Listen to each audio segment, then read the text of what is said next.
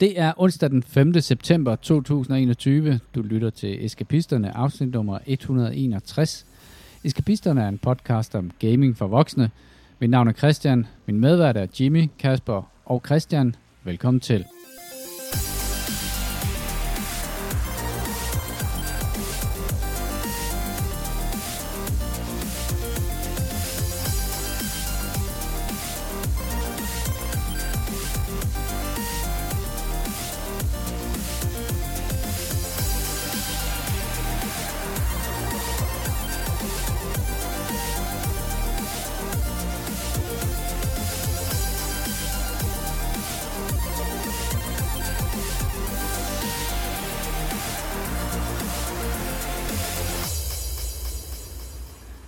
Okay, først og fremmest utrolig meget ros til, at der ikke var nogen, der brød ind, Kasper. Men Jeg var faktisk ved at gøre på, det. på første take af det her. Det var jeg også. Jeg er samme årsag. Ej, vi kører fuld, fuld hus i dag. Det er smukt. Ja, det er dejligt. Uh, Kasper, du er kommet forbi, og du har bare lige taget uh, to fuldvoksne, hvad kaldte du dem? jeg, Hellerup chefer med Som er Golden Retrievers. Golden Retrievers. øhm, jeg har taget egen med, fordi Lea blev utrolig skuffet sidste Mm. uge, hvor jeg ikke havde Coco med. Og øh, så passer vi, hvad hedder det, min forældres hund Mm. mm. denne her uge. Øh, så jeg tog den også med. En, øh, det er nok det tætteste på en retarderet hund, jeg nogensinde har mødt. Den er men sød. Ja. Altså, den virker ikke mere eller mindre retarderet end de hunde, jeg tidligere har mødt, men det kan godt være, at jeg ikke lige udsat den for sådan en... Nej. Uh, Der er for mange vittigheder det her, vi er bare nødt til at springe så, videre. ja, okay, ja, ja. Så vi bliver cancelled. anyways, hvis der er noget virkelig tung ånde øh, på et tidspunkt i den her podcast, så, Så er er det det mig. sandsynligvis øh, Jimmy, men det Ja. ja. kunne også godt have været... Øh, hvad, er det, er, Det er Coco. Er det Coco, der sidder dernede? Ja. Ja. ja. Coco er meget øh, ivrig deltager i den her podcast. Vi har øh, tre legesyge hunde i huset og en Ja. åben dør, så det skal Ja. nok blive godt. Og så Christian, du har sgu også taget øh, direktørbilen over. Ja, men, men uden hunden. Er du en hund? Du, overvejer du hund? Øh, det gør man altid. Ja. Øh, jeg havde ikke nogen, så jeg kunne, Du havde ikke lige nogen til med. jeg kunne have taget en kat med. Igen for mange vittigheder, vi står her. Ja, vi stopper her. øhm, skal vi lige øh, adressere elefanten i rummet, som er, at øh, så vidt jeg Kasper. ved, Kasper, Hej Kasper. Nej. så vidt jeg ved, så er der ikke nogen af os, der har spillet Deathloop. Er der? Nej. Er der nogen, der har købt det? Nej. Nej. Nej. Nej. Så springer Jeg vi har hen over været det. meget, meget tæt på. Fordi der der noget- al, de skriver jo, at med al den øh, furnace, den har on top, så er det en postler. Jeg tænkte jo, Jimmy, at det ville være det perfekte spil for dig at spille, efter du har spillet Returnal, Ja. som også er sådan et time loop-spil. Ja. Og du har også spillet... Jamen, jeg kommer til at spille det. Ja. Jeg går lige og lurer på, om jeg skal have det på konsol eller på PC. Øh, det er ret dyrt begge steder. Single eller multi? Altså, jeg ved, jeg ved godt, det er sådan en invasion Det er et invasion-spil, hvor du... ja, Det er singleplayer-spil, men der er en invasion-del i det. Så der er ikke noget multiplayer ud over invasion. Nej, det ser det ikke ud til. Og den anden ting, der også fik mig til lige at pause på hånden på købknappen, det var, at den har øh, cirka 65% rating på Steam. Mm. 65. Positivt. Ja. Så På den Steam, har meget- ja, review ja, ja, men jeg, Jamen, ingen ved nej, det, jeg, jeg tror, det er fordi, at uh, der er noget performance issue på Ja. uh, Steam-versionen. Det, som jeg er sur over, det er, at uh, Microsoft udgiver et uh, eksklusivt spil til PlayStation. altså, der skulle Det de, der er række, det der er række et, øh, et finblad frem, ikke? Det der, Ja. altså, de kunne da mindst have lavet sådan en uh, splash screen, hvor der stod Microsoft Game Studios, som, som Ja. ligesom kunne få det over på. Men det var åbenbart, uh, da de købte Bethesda og dermed Arcane, som er dem, som har udviklet uh, Deathloop, der var kontrakten allerede skrevet med Sony, og uh, at det skulle være et eksklusivt spil til uh, PlayStation. Og der gik de ud og var large og sagde, det honorerer vi selvfølgelig. jamen, det de har synes jeg- Microsoft Money, de er skide ligeglade. Jamen, det synes jeg bare, de skulle have tvunget armen rundt på dem. altså bare, så vi har Nu fået det på spiller jeg jo. Ghost of Tsushima, der kommer ikke noget godt ud af at true japanere. Nej. Det har jeg set. De er Ja. fandme nærtagende, i Ja. hvert fald i computerspillene. Øh, så det bliver måske næste gang, vi, øh, vi snakker om det, men, øh, men ikke lige den her gang her. Det, det er et ret hot emne at snakke om, Ja. kan jeg se, når jeg kigger ned igennem øh, mine news sites. Øh, og jeg er kæmpe fan af Arcane. Jamen, det er Øh. jo også et af de der, det er jo, øh, selvom at man hele tiden kigger ud over, at der er så sindssygt mange spil at spille, så lige nu så er det det AAA-spil, som ligesom kom først Mm. her i hen over efteråret. Så det er den, der launcher først. Altså, jeg vil sige, hvis du for eksempel kommer ud i oktober, så skal du være fantastisk stærk i, hvad du, øh, hvad du kommer med. Øh, der For at slå er Alien bare, Fireteam med pinden. Ja, det kan ikke lade sig gøre. Der er jo bare command. Men hvis du kommer i oktober, så skal du slå Battlefield, det nye øh, Battlefield, du skal slå øh, Far Cry, altså der, det Mhm. vælter ud fra nu af med sindssyge spil. Og, øh, og der tror jeg, at de har lagt det helt rigtigt i at være de første. Det var også ligesom Aliens øh, lancering. Altså, den ligger godt i forhold til, Vi kommer først. kvalt her. Mm. Øhm, jeg tror, jeg ender med at købe det på et tilbud på et eller andet tidspunkt. Så samler jeg det op til 100 kroner. Jeg vil godt lige læse øh, fem anmeldelser af det, som ikke er folk, som har prøvet tre timer i en pre-run eller et eller andet trial-ting. Men, Ge- men ge- øh, ja, konceptet og ideen er som skrevet til mig. GameSpot gav det 10 ud af 10. Øh, og de har så ændret deres, øh, hvad Det gav de sikkert også Psychonauts. øh, Og måske. Alien Fireteam. og Alien Fireteam. Ah, Alien Fireteam fik 8 eller 7, tror Åh, jeg. oh, så er det bedre end Alien Fire Team. Ja, det er endnu wow. bedre. Ja. Øhm, det, øh, det, det, altså, jeg, jeg, øh, jeg synes, det, det ser spændende ud, men jeg har simpelthen så mange spil på programmet, og så er det jo også den her podcast, der vi følger ikke strømmen. Vi, Nej, og det vil I jo lægge mærke til, når Vi vælger Cyberpunk de som spil, vi begynder at Vi snakke om. vi er fucking ligeglade. vi er lowbrow. vi taler, vi har ikke noget at glemme. Så, gaming, gaming i gulvhøjde. så, så øh, skal vi starte med øh, lidt nyheder?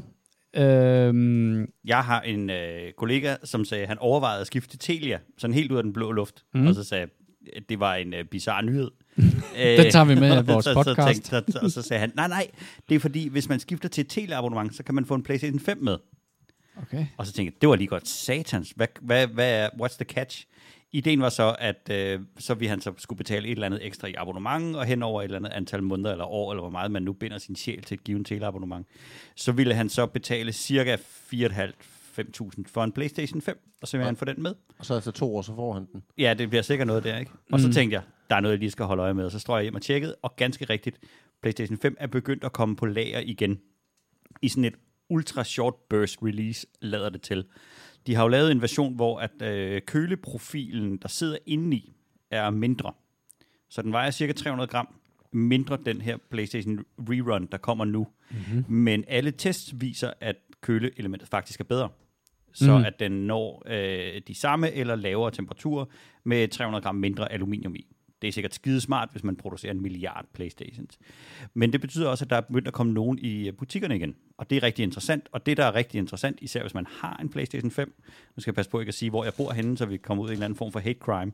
Men, øh, men de ligger jo til øh, 7.500 Mm. nu.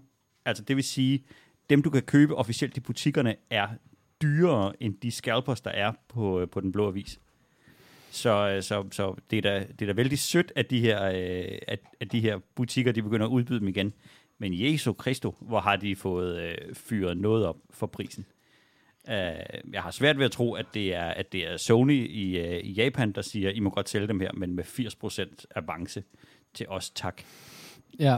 Altså, det er scarcity, tror jeg. Ja, ja, ja, det er det jo helt sikkert, og det hænger jo sammen med, ligesom, øh, En lektion i kapitalisme. ja, det er jo Til det, sammenligning gav altså- vi 4200 på launch day, ikke? Mm.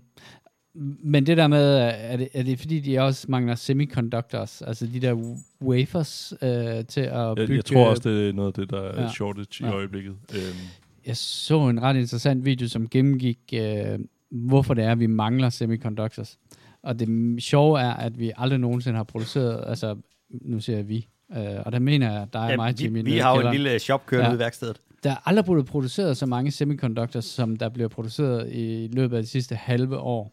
Det er simpelthen på grund af, altså pandemien har givet en enorm efterspørgsel på, at folk opgraderer deres øh, hjemme arbejdsstationer og sådan nogle ting. Øh, og, så er der, og, og så er der også det med, at når firmaer skal bestille, så bestiller de måske ud fra det næste år, øh, hvor, de, hvad de, hvor de prøver at estimere, hvad salget bliver. Der er nogle hunde her, der hygger sig. Bare lad dem være. det er fint. Øhm, og, det, øh, og det er meget, meget svær øvelse at gøre, fordi at der bare har været enormt stor hvad der, efterspørgsel på, øh, på de her semiconductors, og, så også, øh, og det har jo også været, fordi folk ikke har kunne tage på ferie. Så er det lige pludselig råd til at skifte bilen ud. Øh, og så, øh, eller er købe et webcam. Ja, ja. Det var også i... Ja, ja, ja, ja det var fandme også Sindssygt står der i webcam. De vil det- dobbelt pris. Jamen, præcis. Men en anden ting, der også er interessant, så er det jo også, at man tror jo, det er, at det er hovedprocessoren i dit, øh, i dit øh, 6.000 grafikkort, der mangler. Mm. Det er det jo ikke. Det er jo typisk en strømstyringschip, eller Mm. sådan et eller andet til 5 dollars, der bare ikke er produceret nok af. Mm. Og, øh, og lo and behold, den skal sidde i alt. Og så, så er det jo også konkurrence øh, altså med alle dels elbiler, der er kommet, øh, og hvad hedder det, og mange af de nye smarte funktioner, de får. Altså, så er der også bare netop altså, efterspørgselen af stedet, og, og så er der jo også, hvad kan man sige, øh, når der er et øh, skib, der er at blokere, hvad hedder det, Suezkanalen. Åh oh, ja. Ja. Ja. Så er nogle spændende ting, Sådan der er sammen. ting. Ja. Øh, men, øh, men alligevel vildt nok, at, øh, fordi så begynder det jo også at være sådan, fordi det var jo sådan lidt en, øh, en no-brainer at købe en konsol i forhold til at købe en PC, når den kun kostede 4200. Så fik man virkelig, virkelig meget for det. Jeg har ikke, jeg har, jeg har ikke været inde og kigge på, hvad, hvor meget PC man får for, for 7.500, men det begynder at nærme sig noget, hvor man kan få en ordentlig gaming-PC. Jeg vil sige, Bo, han var der lige inde og poste, at han havde, øh, ja, han han havde været ude og lede efter en, en, en gaming-PC. Han fik da noget, noget decent noget, Kasper. Du fandt noget decent til 6.800 til ham, ikke? Jo, jo. Øh, man, man, kan- man kan altså få rimelig meget også for penge, når man, når man først kommer derop, altså i, i den prisklasse. Så, og det er jo også det, jeg altså, har synes har været charmerende ved konsollen, netop at de har kostet sådan, hvor det sådan, det kan jeg ikke rigtig få noget spændende PC ud af, men en, en konsol har man altid kunne få altså til, til en sådan god pris. Øh, men nu hvor det kommer op i det, så synes jeg, det er endnu mindre attraktivt, også fordi at jeg tror, det er første gang et stykke elektronik, hvor jeg tænker, det er en tal for grimt til at være et stående. altså, ja, det, fandme heller ikke en band dims. Men er det ikke noget med, at Playstations design er dikteret ud af kølebehovet? Der er sådan noget med, at Jo, der skal jo. være utrolig meget luftindstrømning, så der, det, der er noget i designet, som simpelthen er dikteret ud fra, at, De- de, at der skal være også- sådan et airflow i den. jeg, jeg kan ikke huske, Og så om det ender var... man med sådan en uh, X-Men uh, højhus. Ja, ja. Jamen, jeg kan ikke huske, om det var, hvad hedder det, det var vist ikke så meget i forhold til køling, men for at man var sikker på, at, at Playstation stod øverst, så havde de jo rundet Playstation 3'eren, og det er lidt nok lidt noget af det samme med, hvad hedder det, Playstation 5'eren, altså ved at skabe sådan en profil, så er du ligesom sikret mod, at du ikke sætter noget, medmindre du vil have det ryge af efter 4-5 sekunder. Mm, Så mm. Og Christian, du gør dig umage med at få en hund med den her podcast, der det er dejligt. Men det er faktisk rigtigt, det er, jo, det er jo en lidt underlig profil, men den er lavet sådan, så at den er tilpas glat til. Der er ikke noget sted, du kan stille noget oven på en Playstation 5. det er Jeg, fantastisk. er helt- jeg synes jo faktisk ikke, den er grim. Den er meget fed. Meget fed. Ja. Ja, vi, vi, jeg ved Firen var ikke. praktisk. Kvadratisk Ja, praktisk god. Nå, nej, men jeg kunne aldrig falde mig ind og bruge den som møbel til at stille ting på.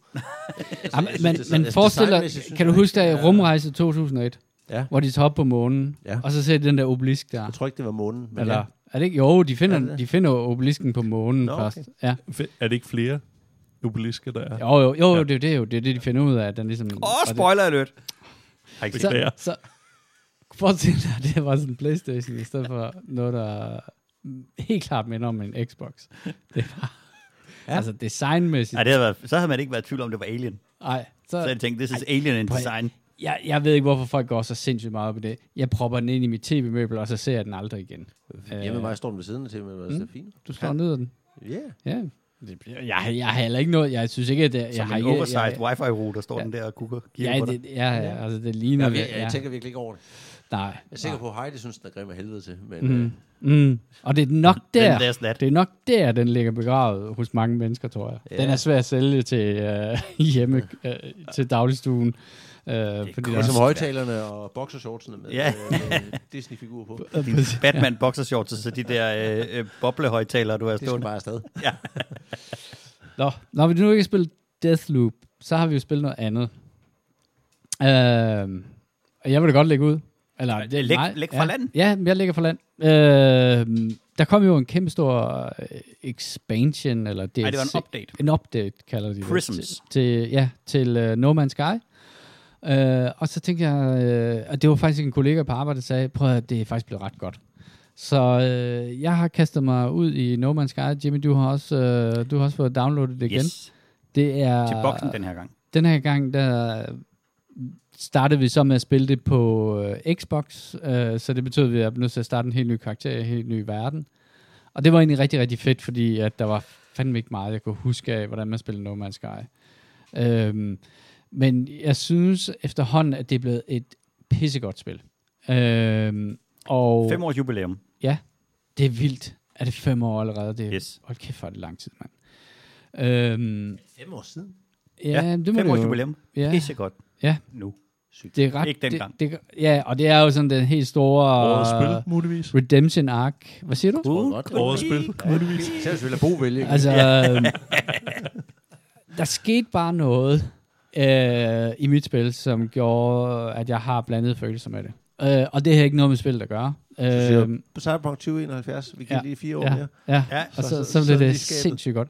Ej, men prøv No Man's Sky er jo sådan den, den største redemption arc i forhold til et spil, som kom ud og havde lovet for meget og blev udsat for kæmpestort had, og så gik de ned i deres kælder, og så arbejdede de altså bare øh, med hvad i ørerne og lyttede ikke på Twitter og alle mulige andre, og så har de bare stille og roligt arbejdet sig op. Jeg hørte, at øh, øh, at det faktisk øh, er ikke overwhelmingly positive på Steam nu, men i hvert fald positive på Steam. Øh, og det er sådan en, øh, en, en vigtig milepæl for, hvordan øh, his, meta-historien er omkring det der spil der.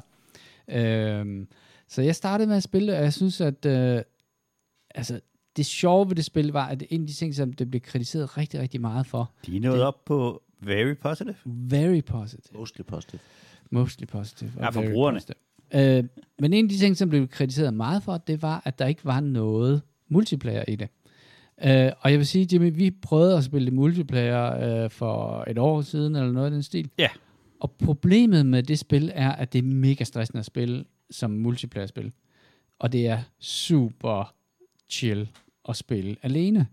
Øh, og det er sådan en ting, hvor at jeg, det slog mig bare, at det var et fantastisk singleplayer-spil. Fordi det har så meget... Øh, at du sætter selv tempoet på, på hvordan du spiller det. Jeg synes, øh, er, altså, og så går du bare og, og nuller rundt øh, på en planet og fikser et eller andet.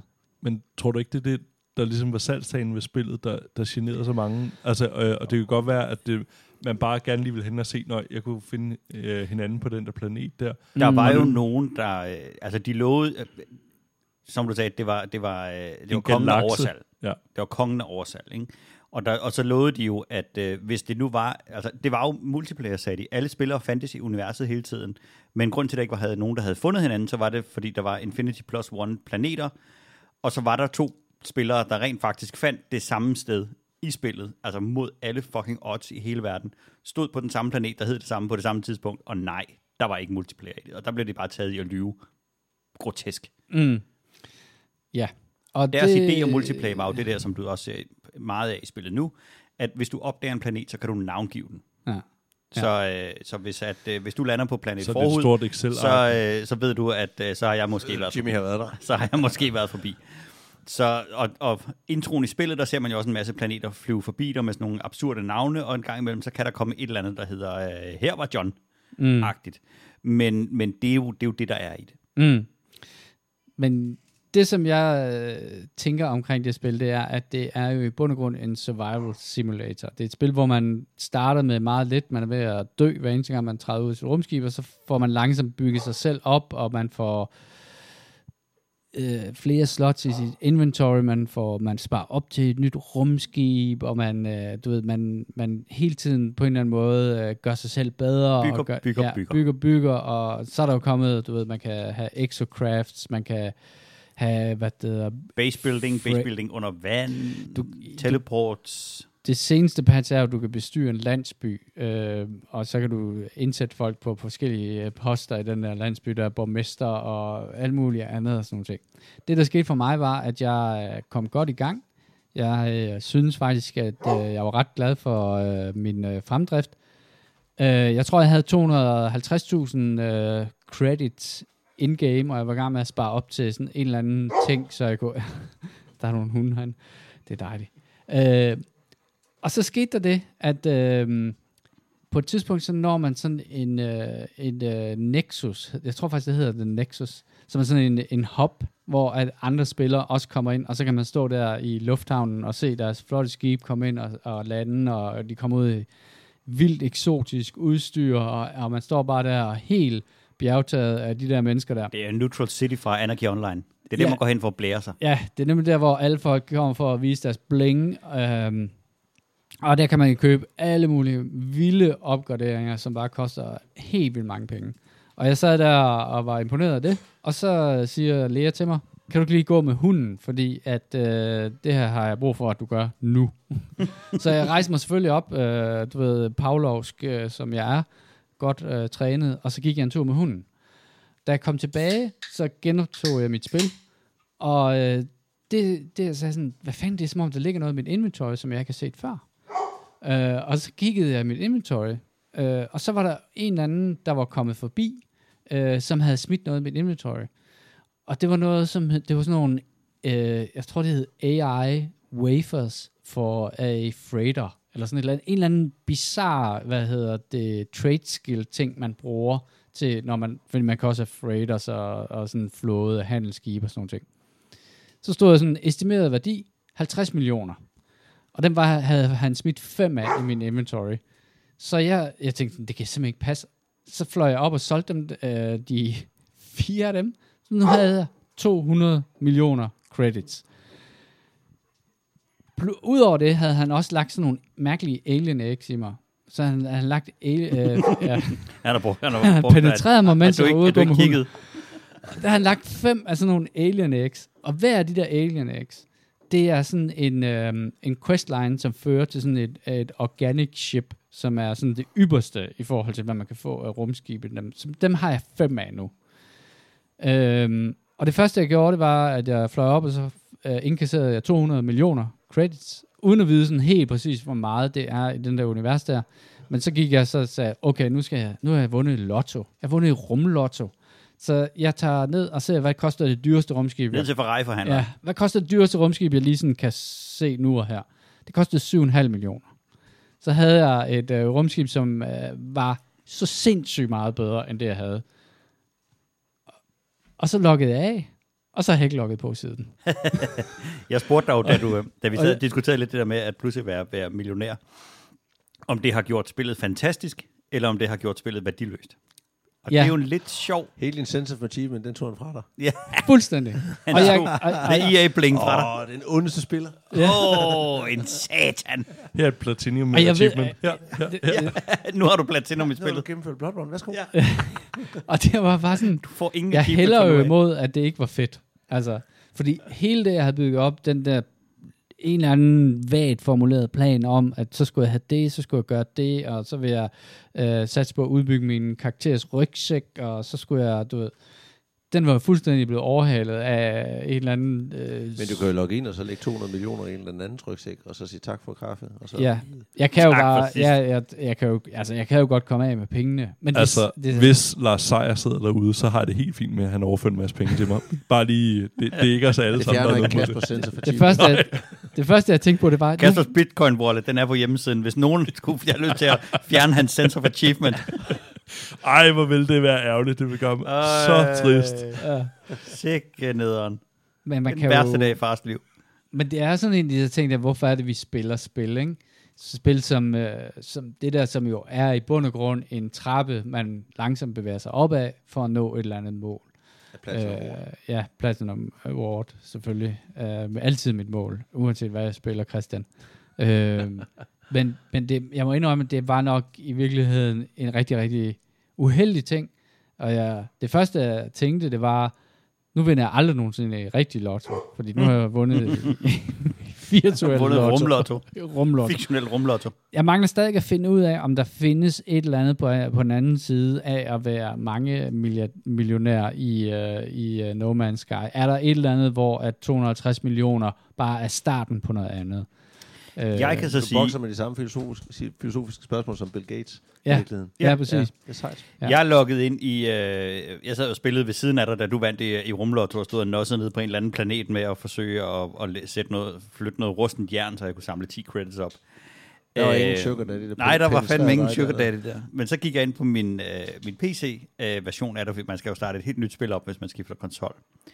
Øhm, der kan jeg se, der har jeg 50 timer spillet. Jeg har 12,5 millioner i mit øh, inventory. Jeg har 41 slots i mit exosuit øh, armor. Og det er noget af det, som er allerdyrest at få fat i. Jeg ved ikke, hvor mange millioner jeg har arbejdet mig igennem for at nå til det, jeg er i de der 50 timers spillet. Men jeg vil tro, det er cirka det samme, du har sprunget over. Men det, som du så mangler, det er så alt det arbejde, man har lavet undervejs, fordi der udløser du en hel masse med, at man skal lære ord, man skal lære øh, øh, Atlas øh, relays, og øh, så, så, så Mm. selvom du nu flyver rundt i et lækkert rumskib, så tror jeg, at, at hvis, du, hvis du fortsætter på spillet derinde, så tror jeg, du vil få præcis den samme oplevelse. Den vil bare være federe. Mm. Fordi du skal ikke lege inventory management længere. Du skal ikke stå og lege resource Tetris med alle mulige ting. Øh, og, og jeg mener, hvis, man, hvis, du, hvis du skal... Altså, den første freighter, du møder, den får du. Men jeg er ret sikker på, at den næste freighter koster 200 millioner. Det Og sådan ved jeg ikke. På den, på den det, måde, det ved jeg jo ikke jo. Altså, det, Så jeg tror, men- jeg tror men- hvis, men- hvis, du, hvis du har tænkt dig at spille spillet og se, hvad byder spillet på undervejs, så tror jeg, at du har fået en super fed start. har fået rygvind. Ja, det er det. Der er sgu Nutella i uh, feltrationen og medvind på cykelstien. Men, men det, er jo, det er jo sådan der med de spil. Jeg fandt Ja. jo også i Ja. ja. det gamle hedder det, Dragon Age, der er også sådan en, når du levelede op. Hvis du levelede op, og så trak din stats fra igen, og så levelede op igen, så kunne du, øh, så kunne du infinitely boost din stats. Mm. Så, så det betød jo bare, at du kunne one-shotte alle monstre i spillet lige pludselig. Og det, er jo, det fjerner jo det sjove. Ja. Hvis du kan købe alt. Ja. Så, Ja, ja. Og det er jo ikke sikkert, det kan du formentlig ikke. Men hvis du har oplevelsen af, at du kan købe alt, Mm. så fjerner du hele rejsen derhen. Igen, Lars Seier, det er helt okay med mig. Kasper, Kasper opdager ud af alt, hvad der bliver sagt nu. Nå, så jeg ved sgu ikke rigtigt, hvad, hvad det ender med. Altså, om jeg smider pengene væk. Jeg har gemt en af dem der, så Jimmy, hvis du bare lige mødes på Ja, øh, en ja, øh, rumstation. jeg er meget modtagelig lidt, overfor. Lidt nord for Randers. Så, Jeg kan godt øh, bruge, øh, altså, jeg kan godt bruge lidt, øh, lidt rumfedt til at få min, min rejse til at glide bedre. Men egentlig, egentlig øh, øh, vil jeg bare gerne se historien til enden. Altså den der story der. Men, men en del af storyen er jo også, at, øh, at man er klar, klatret op ad bjerget. Ja. Det er jo en del af det, at man har en eller anden fornemmelse af, at, det har, at man har skulle bruge Mit indtryk er helt øh, klart, sin, at der er rigeligt med trapper at klatre af, selvom det, du har Men det historien kan du vel bare se på Wiki, kan du ikke det? Åh oh, ja, det er selvfølgelig rigtigt. Wikipedia. Jo, det, jo, ja, præcis. Det gør jeg også nogle gange. Jeg googler lige uh, No Man's Sky in 10 minutes, så er det overstået. Ja. Jeg må ikke spille det. Ja. Problem solved. Nå, men øh, det, det, var, det var No Man's Sky øh, for mig i hvert fald. Øh, får vi se. Øh, fordi det, det andet spil, som, jeg, som vi så startede med at spille, øh, det var, vi, vi har snakket om det sidste gang. Ja. Øh, Glæde lidt. Følg en glæde, lidt en varme i maven over at skulle hjem. ja. Øh, på pampassen. På pampassen øh, Red Dead Online øh, til Red Dead Redemption Er 2. det jo.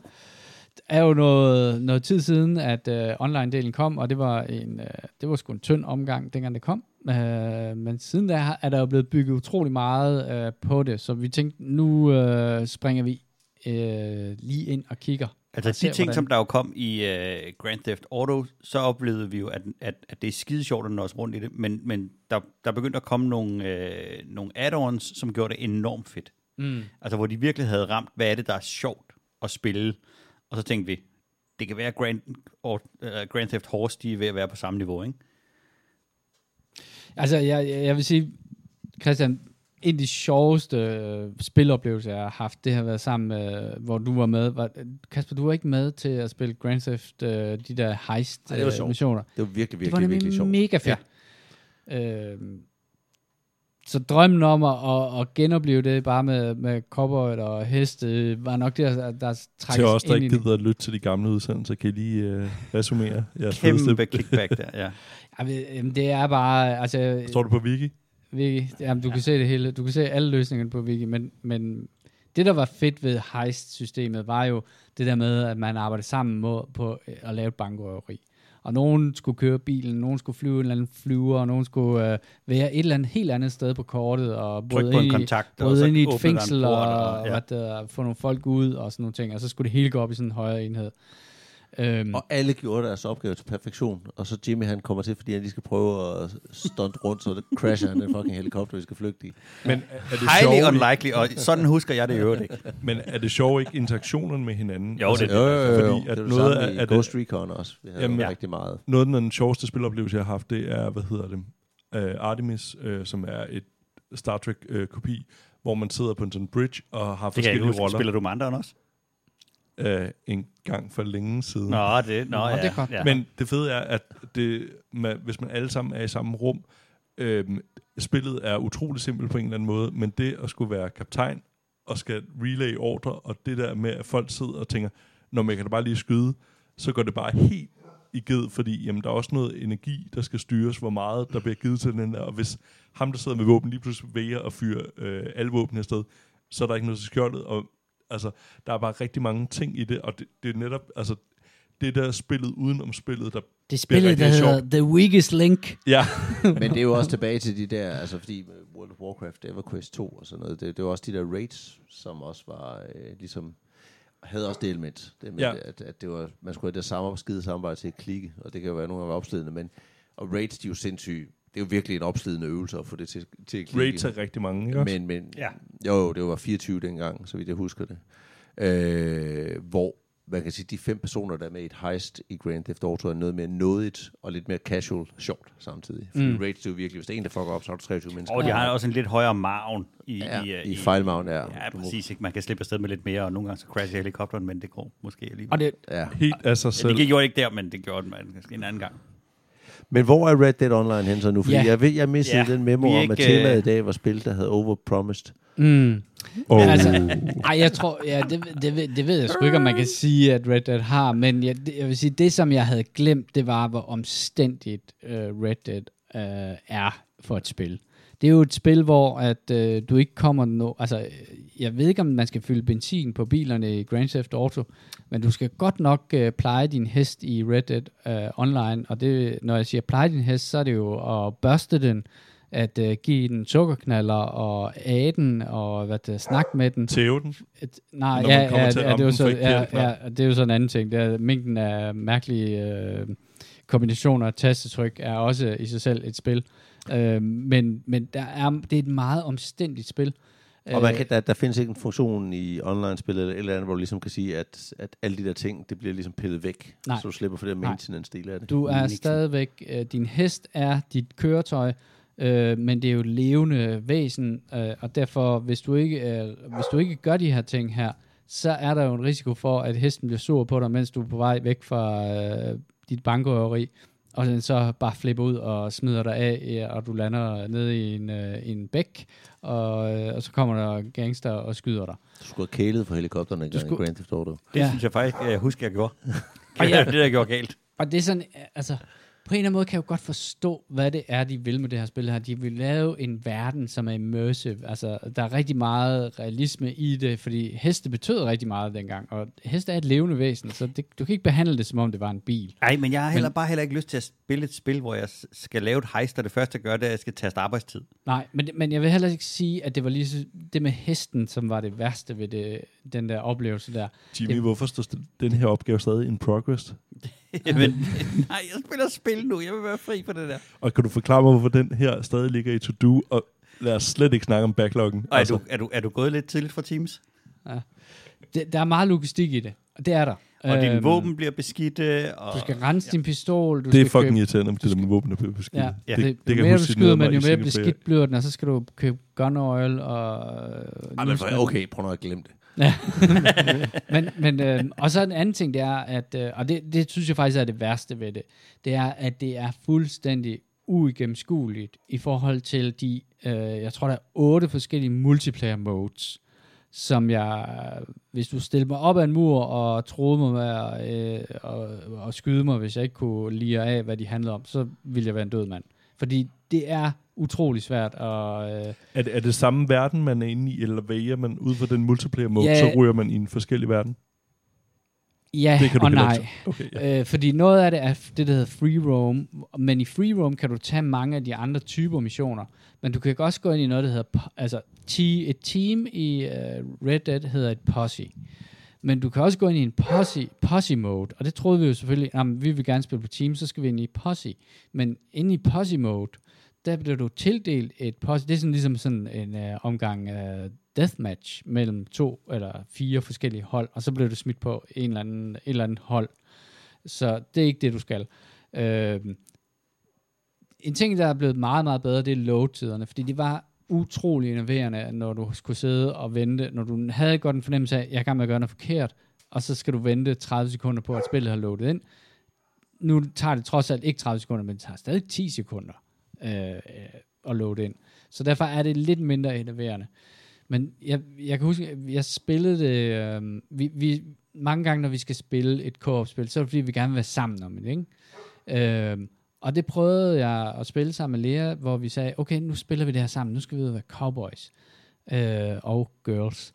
Og så mødes vi det her, og det vi fandt ud af, efter vi har spillet det i øh, to aftener i træk, det var, det fungerede bedre, hvis Lea bare passede sit, og jeg passede, Lea passede sin øh, naturalist-karriere, hvor hun rendte rundt og skød sjældne dyr og samlede planter, og jeg var passet min bounty hunter-karriere. Og så en gang imellem, når vi ikke kunne, altså når, når, når man kom på nogle missioner, der krævede, at man skulle være flere, så mødtes vi i spillet, og så lavede vi den sammen. Men på den måde minder det meget ligesom en MMO. Øh. Lige at beskrive det rigtig godt, som at hvis man skal spille sammen, så skal man tænke, at man skal på raid. Man skal have pakket sin taske med de rigtige potions, man skal have sin mad, man skal have renset sit våben, du skal have købt ammo, du skal være klar, når du møder op til at spille multiplayer. Fordi det er ikke, øh, det er ikke noget, hvor du bare siger, hey, lad os gøre et eller andet. Og så finder du ud af, at jeg har tre skud i min pistol, og der er ingen ammo i verden. Mm. Den skal bestilles i et postordrekatalog, Mm. og så skal du hen og hente det, når det bliver sendt til dig. Mm. Jeg, jeg bestilte uh, utrolig meget ammunition. Jeg kunne ikke forstå, hvorfor jeg ikke havde noget ammunition. Så sidst så kom jeg hen til postmesteren, og så havde han jo fandme øh, 2.000 kugler liggende øh, til mig, som jeg havde bestilt. Det er, Nå ja, skal man huske at holde styr på antal kugler? Ja, ja, ja. ja, Selvfølgelig skal ja. man det. Jeg Selvfølgelig vil skal man sige, det. øh, Der findes fire forskellige typer Ja. ja. ammunition. Nej. Øh, Uden at, uden at skulle uh, stjæle din, din Thunder, Thomsen, så vil jeg så sige, du sagde det bedst. pludselig lyder Two Point Hospital som et godt spil. Ja. Du, Apropos det er på tilbud. Du sagde det bedst, da du siger, at det er et spil, der ikke respekterer din tid. Ja, Det er et spil, der vil skide på, hvad du har lyst til at lave.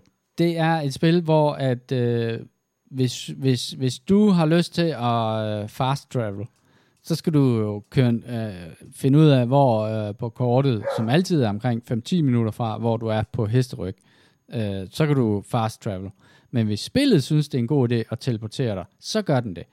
Men så det er et spil, som, som, som og det, det irriterer mig ret meget, det er, at det insisterer på at være realistisk, lige indtil det ikke passer spillet at være realistisk. Så vil det godt teleportere dig ind i en by, hvor at du så skal, øh, blive, hvor du skal løse en mission. Men hvis du selv er fri vilje gerne vil fra A til B, nej nej, så skal du sørge med at have hele den der store rejseoplevelse der. Eller du skal købe for rigtige penge. Ja, og det er så en anden ting. Det er, det er øh, jeg tror, nu er det gratis, Uh, online-delen er gratis uh, på Game Pass. Jeg tror, den koster omkring 75 kroner, hvis du skal købe den, bare den, og ikke have story-delen. Uh, men de monetariserer rigtig, rigtig meget. Der er altid en nemmere genvej uh, til det, og jeg købte også for 36 kroner guld, hvilket gjorde, at jeg kunne unlocke Bounty Hunter-karrieren og få de missioner, der var der. Øh, så det gjorde jeg. Og Christian, du ryster på hovedet. Jeg- Nej, nej, jeg er, jo, jeg, det jeg er jo Øhm. bare glad for, at jeg overhovedet ikke har dyppet tæerne i den heksekedel af en uh, Sådan noget FromSoft, det ja. det, Ja. på, den, på den gode side af det der, vil jeg så sige, at det er måske et af de smukkeste computerspil, der nogensinde er lavet. Men prøv nu at høre her. I, I havde spillet øh, rigtig, rigtig mange timer Grand Theft Auto 5. Øh, og da jeg joinede, og jeg joinede jo, lavede en mand og kunne hoppe ind, og på lige fod med jer, kunne vi spille og have det sjovt, uden at jeg skulle have pusset min pistol fra starten af, og påstår bestilt alt muligt grej. Mm. Vi kunne sætte os ned, vi kunne spille nogle Du timer. glemt at det var købe rigtig, rigtig til din hest. ja, præcis. den skal have poleret bollerne, inden du kan ride på den. så, så der er jo bare noget i det der med, at øh, det, det, det, det må være for en særlig støbning af spillere, der synes, at det er fedt, og gider det maintenance, der er i det, og tænder på det. Og det er der helt sikkert et marked for. Host, host, Bloodborne host. Ja, men det, det, det er bare... Det er jo noget helt andet. Jeg ved det godt. det samme, men det, det er mere det der med, at øh, det vi tit har haft det sjovest med, det er de der ting, hvor man kan stemple ind, og så kan man bruge energien på at gøjle rundt og lave et eller andet, og lave det inden for et par timer, øh, eller inden for mange timer også. For Aliens Fire Teams. Ja, jamen, altså et eller andet, hvor du ligesom stempler ind, så har du det sjovt, og så stempler du ud. Mm. Eller du stempler ind, og så har du sjovt mange timer. Og så Altså du- ligesom ja, Aliens Fireteam. ja, ja, ja, altså jeg har, det lyder som et øh, årets spil i forhold til Red Dead Online. Det kan jeg love. Øh, men jeg kan jo ikke... Øh, altså, det er bare ikke et spil for mig, Red Dead Online, og uden at have spillet det. Ja. Og det siger jeg vel, vel mærket, velvidende, at jeg Ej, men i gang med at jeg- synge 100 plus timer i Path of har- Exile. Jeg har Altså ingen, s- i forhold til hvor temaet for, for podcasten, så er det jo netop, at man på grund af arbejde og så videre, man har lidt tid, så gider jeg kraftedet ikke at lave sådan noget, altså når, når jeg skal ind og have det sjovt med vennerne. Altså det, jeg, jeg er fuld, fuld ud med Jule. Det, det, det gør Jeg har jo den sige, øh, kæmpe store fornemmelse, at, at have startet op på Ghost of øh, Tsushima, som jo er mm, langt, langt hen ad vejen det samme spil. Øh, måske ligger Ghost of Tsushima en lille smule tættere på et Assassin's Creed-spil, men det er et spil, hvor du rider rundt i en meget, meget omfattende verden med en hest. Og så skal du, øh, så skal du øh, samle nogle ressourcer og løse nogle ting. Og man kan lave nogenlunde de samme ting. Red Dead Redemption er, er mere avanceret, det er det helt sikkert. Men, men det andet har sgu også trade skilling, og du skal samle ressourcer, og du skal øh, lave nogle konkurrencer, og alle de her små ting. Og i Ghost of Tsushima, der kan man altså mærke, det spil, det er lavet til, at du skal lave de ting, der er sjovt. Alle de andre ting, de er fuldstændig ligegyldige. Du skal aldrig puste dit svær, du skal aldrig hen og have repareret din, øh, din øh, stråhat, eller, øh, eller, eller øh, hvad hedder, dine sandaler gå i stykker, fordi du har løbet for langt, eller et eller andet. Det er, øh, du kan, du kan, de har lavet den simple funktionalitet, at du kan samle en ressource op, når du rider forbi den, hvis du trykker R2. Men er det som monetizing, altså ligesom, altså jeg tænker, at det er fuldstændig ligesom mobilapps, det der, hvor at man kan korte ventetiden ned, altså Ja, det der, fordi man... Det er det. Og Ja. den anden ting, som også, jeg nåede også at spille lidt Red Dead, en, øh, jeg øh, tænkte, det skal jeg ikke spille til mig mere. En anden ting, der er ved det, så er det, når du, når du ligesom tøffer rundt i den her online-verden, du finder aldrig noget, du gerne vil have. Du kan, du kan finde guld eller, eller hvad det, valuta, men du kan aldrig finde en flot hat, eller du kan aldrig finde øh, en ny pistol, eller et eller andet. Du kan finde guld, og så kan du gå hen og bestille det i postorderkataloget, når du har samlet nok. Hvilket vil sige, hvis jeg nu øh, øh, regner det her om til en timeløn, så kan jeg bare sidde inde i min lejr, og så kan jeg bestille de der ting for rigtige penge. Og sige, altså, prøv at høre, jeg, hvis jeg skal bruge to timer på at samle det der ind, så får jeg i timen, nu er jeg offentlig ansat, så jeg får været en 50'er, så kan jeg købe guld for det, ikke? Og så du kan er jeg ikke bare, sygeplejerske, så du får lidt mere, gør du ikke? jamen, så punktstrækker jeg, det trækker de noget fra. Så, det, er ikke, øh, det er ikke helt sandt, fordi nu, nu spiller jeg for eksempel Bounty Hunter, og der er nogle ting, hvor at, uh, der først bliver unlocked, så du kan købe dem, når Nå. du har et vist level som Så Bounty der er Hunter. lige- Så det, det er så ikke er- helt sandt, det så du siger der- der. så Du der kan- er kan købe det for rigtige penge. så kan der, du også godt. Så der er en forhindring, før jeg kan få lov at købe det. Ja, ja, okay. Jamen sådan er Men det. skulle du betale for at Bounty Hunter, ikke også? Ja, det skulle jeg. Okay, ja. yes. Ja. Men, men så leveler jeg op inden for Bounty Hunter. Og det er egentlig heller ikke, fordi jeg har noget imod spil, der har menial tasks, fordi det findes virkelig også spil, der, der kan Ja. være sjovt. Der vi spil, hvad fanden var det, den hed? Den der store japanske walking simulator, vi spillede øh, for i december. Desk standing. Ja, Death Stranding. Det synes Mm. jeg faktisk var et fedt spil. Ja. Mm. Altså jeg havde lidt stramt med, at når du nåede til slutningen af spillet, så var der lige øh, tre timers cutscenes eller sådan noget, du skulle tygge dig igennem, eller et eller andet den stil. Ja. Den var lidt tung. Øh, men jeg synes, det var et fedt spil. Jeg husker det som et fedt spil. Jeg kan huske spiloplevelsen, og den står som et eller andet. Det samme med sådan noget som øh, Don't Starve har også relativt mange menial tasks, du skal, men de er Ja. en del af et eller andet gameplay loop, i forhold til, som rigtig mange er survival enig. sims er. Ja, ja. Uh, The Forest, alle de her ting, hvor du skal lave nogle gentagende øvelser og sådan noget. Men det, det er bare en del af et sjovere loop på en eller anden måde. Mm. Altså jeg vil sige, der hvor det er et stærkt spil, og det er jo sådan, det, det er jo åndssvagt, at man skal sige det om omkring et spil, som har online-delen i sig, og som, hvor hele det, øh, grund til, at det findes, er, at man skal eksistere i den samme verden. Det er jo, at det der med, det er de der, de der perioder, hvor man bare går rundt selv, og er ude i den der fantastiske øh, verden, prærien i skoven, og man rider ind igennem øh, et eller andet sted, hvor togen ruller ind, og lyset står ned igennem træerne. Gra- grafisk er det bare exceptionelt øh, flot, og på trods af, hvor jeg ved ikke, hvor gammel det er, det er et par år nu, eller sådan noget den stil.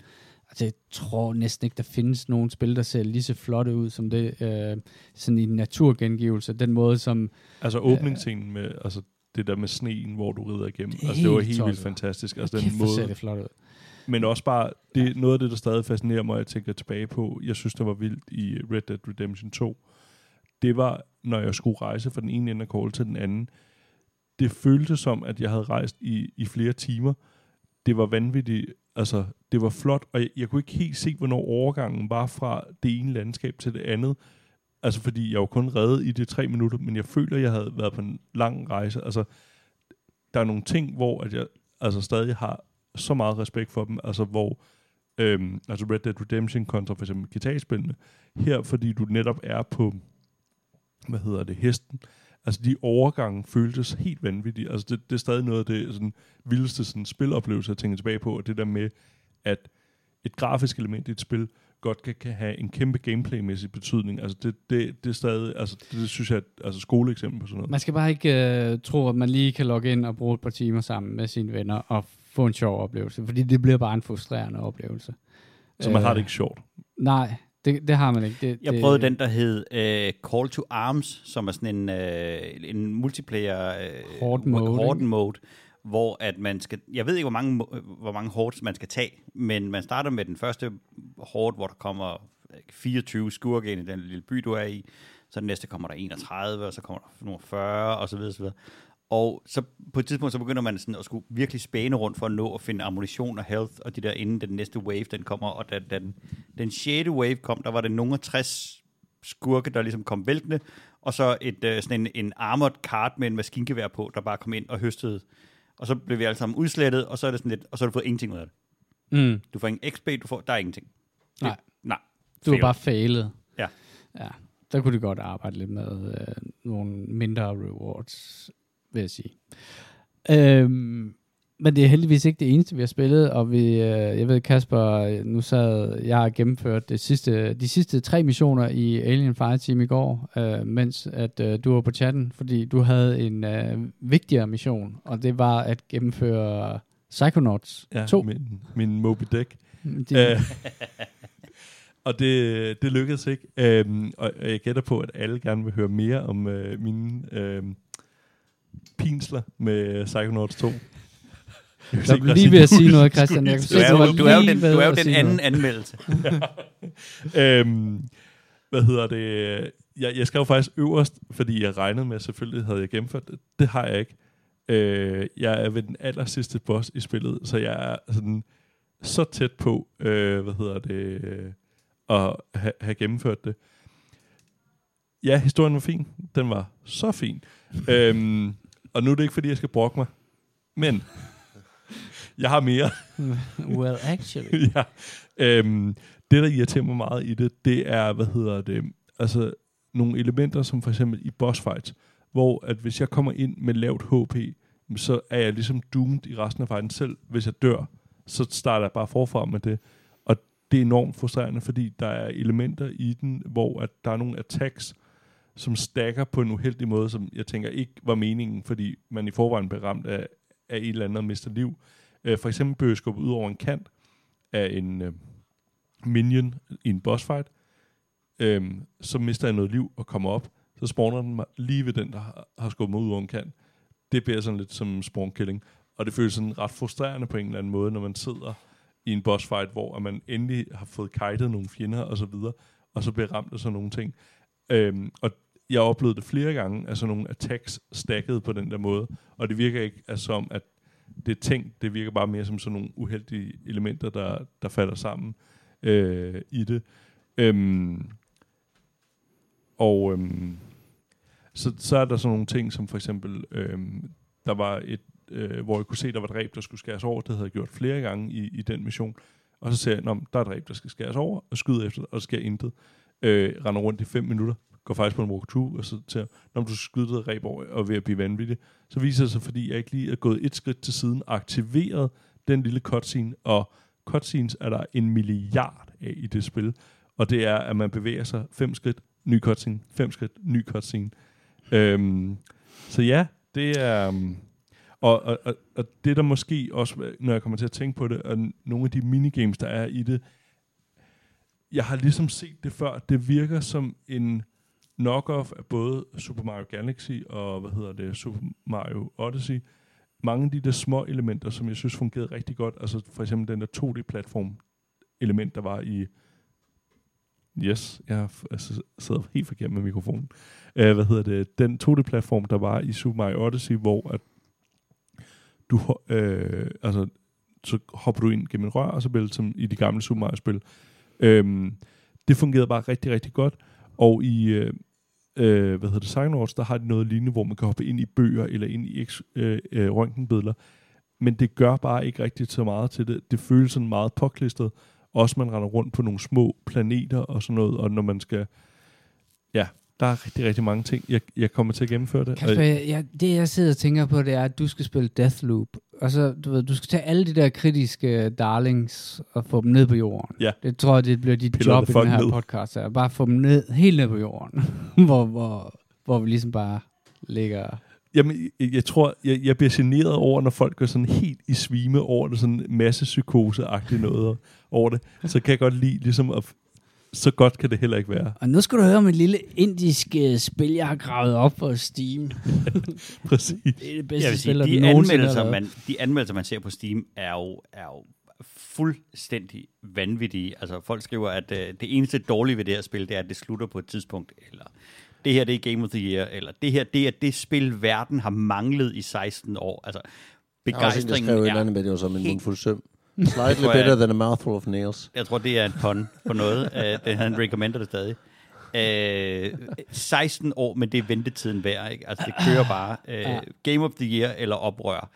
Det er, det er Problemet er, Ja. at øh, jeg, jeg tror, jeg nævnte i en, øh, hvad hedder det, tidligere øh, i min øh, lange øh, serie. af- Rant. Ja, af Psychonauts, øh, hvad hedder det, rants, at øh, jeg fandt nogle anmeldelser, hvor at de skriver ret mange negative ting, men alligevel 10 ud af 10, og det er sådan nogle, altså, altså generende game mega, altså, så synes jeg kraftedeme ikke, man skal have 10 ud af 10. Mm.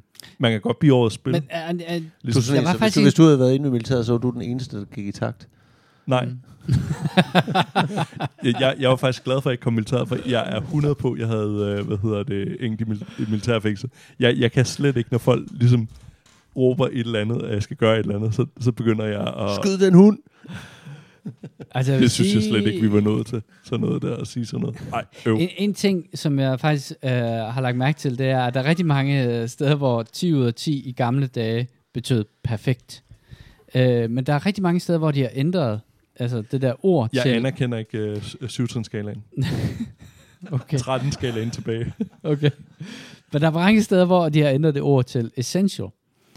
Og, og der er nogle af de spil, som jeg har spillet, som jeg har været, øh, som, som har været sådan flawed gems. Kender I det? Altså, Valheim er jo et, spil, et af de spil, som, hvor man kan sige, ja, nu vel, der er rigtig meget ved det, som, øh, som kunne være lavet bedre, men der er et eller andet, som hæver det op over, hvad, hvad der er 100 procent. Altså, og hvor, man kan sige sådan, jamen, ligesom med Death Stranding og sådan nogle ting, at man kan være træt af to timers cutscenes, men, men det havde alligevel et eller andet, som jeg blev ved med at Det, tænke det tror jeg tilbage. godt, jeg kan være med på.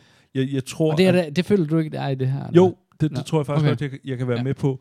Det, der generer mig, det er alle andres reaktioner omkring det, og netop nogle af de der ting, som Jimmy, jamen sådan noget, Så indignerende. modsat. Ja, ja, præcis. Det indinerer mig. Altså, Ja, ja. Heldigvis anerkender du at køre i højre side af vejen. i en bil. Jeg er Ah, ikke idiot. begrænset. Ligesom begrænset. jeg er jo ikke idiot. Ligesom at vi, vi skal slet ikke ind i på disku, øh, nogle diskussion om, hvor overlegent øh, SI-systemet er. Men Ah, du ja. har stadig sagt nej til vaccine, Kasper. Kan du forklare det? Hvad er det for nogle mærkelige Men- posts men- på dine altså, social media? Er det som floor gem kender du. Det er lidt ligesom, altså du har Star Wars, men så er der Star Trek, den der floor gem, Ja. på en eller anden måde. det der, hvor det bare godt kunne være lige lidt bedre, ikke? Picard. Tænker, hvis vi bliver ved, Du så, smider bare i magasinet. så inverterer Kasper ind i sådan en, ind i, en, han æder ind i sig selv. Selv min hund blev sur over de der kommentarer. Øh, hvem er, det, det er dig, Jimmy, der har spillet det næste. I skal jo ikke lige spille Ja. ja. uh, Psychonaut, vil jeg gerne lige have Ja, til. ja, vi skal nok gøre Ja, det. ja, vi skal der er jo så, så mange der er så spil, mange gode Kasper. spil, Og Kasper. Det er ligesom, ja. Apropos, Jeg og vi stoler venter på din lige, øh, anmeldelse. vi venter lige uh, Valheim. Nu er det ikke rigtig blevet en nyhed nu, men det bliver det i morgen. Der kommer den første rigtige update til Valheim. ja, så bliver det, så skal vi den tilbage. utrolige øh, øh, mundrette Hearts and Home, eller he, he, Hearth and Home. Hearth and Home. Jeg ved ikke engang udtale det. Anyway, det er opda- opdateringen til dig, Thomsen. Mm. Det er køkkenopdateringen. Ja, jeg har godt Den set traileren. Man kan bage brød Jamen, det er sådan noget. og øh, andre. Vi skal selvfølgelig se på, hvad det er. Vi har stadig en, øh, en server kørende, hvor at, øh, jeg går ud fra, at David han, er, han har bygget hele verden om til sådan et industrihelvede. Og når vi kommer ind, så er der bare smog og maskiner overalt. Han står der bare med øh, camouflage sminke på for at sælge den der verden og råber i himlen. Colonel, Colonel Kurtz, han har overtaget Hvor er vores øh, Valheim. Har indtaget alle øer. Ja. øh, det glæder vi os meget til at kigge på i morgen. Ja. Øh, jeg har spillet et øh, mobilspil, der hedder Summoners Fate. Kan du komme ud? Og jeg har jo altid sagt, at der ikke findes nogen gode mobilspil.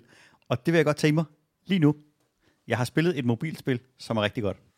Det er et øh, top-down spil, hvor du kigger øh, ned på en øh, lille figur, øh, som, øh, som skal lave en øh, god gammeldags dungeon exploring. Du skal gå ind i nogle rum, og inde i de rum, der står der nogle monstre, som du skal kæmpe mod i turn-based combat på baggrund af de kort, du nu har samlet op undervejs. Øhm, og du kan ikke øh, købe dig til bedre kort, du kan ikke købe dig til bedre powers. Når du køber spillet, så får du alting for Er du gang. sikker på et mobilspil? At du ikke har Jeg er spillet også, det på en... Ja, jamen det er det. Og det giver mig et kæmpestort throwback til at spille sådan noget som de rigtig, rigtig gamle Hero øh, Dungeon Crawlers, eller sådan et eller andet, hvor at, at du har en simpel lille gut, der tøffer fremad, og så kommer du i et rum, og så skal du kaste nogle formularer og forsøge at slå de der monstre, der er derinde. Og det, jeg har spillet det en, en hel del timer. Det er ikke lykkedes mig at gennemføre den første bane nu, fordi det er rigtig, rigtig svært og, og ubehageligt. Og det er, øh, det er et simpelt gameplay, men det giver mig rigtig meget den der idé og den der følelse af at gå på opdagelse i, øh, i nogle dungeons, kigge hvad jeg finder nede i kisten. Er det det, vi sidder og kigger på? Det er det, vi sidder og kigger på. okay. Dear God. Og det, øh, det er ikke et spil, som er et grafisk mirakel, men det er Det faktisk... ligner højhuset med... Hvad hedder Virkelig. Det? Men det ligner sådan en tactical card game. i Det er det også. Okay, okay, okay. Er det Og jeg var, øh, jeg vil sige, at jeg var, da jeg kiggede på det, så tænkte jeg, god dammit, det er endnu et af de der gacha-spil. Det er også mig. Øhm, Mm. Men det er det faktisk ikke, for du kan ikke købe dig bedre et. Så du Mm. kan ikke bruge penge i spillet. Der er ingen microtransactions. Øhm, og, det, øh, og så bliver det et spørgsmål om at bygge det der øh, dæk op, man har, og så sidde og, og bygge combos og skubbe folk ind i, i øh, fælder, øh, positionere dig sådan, så at du kaster din spil på det rigtige tidspunkt.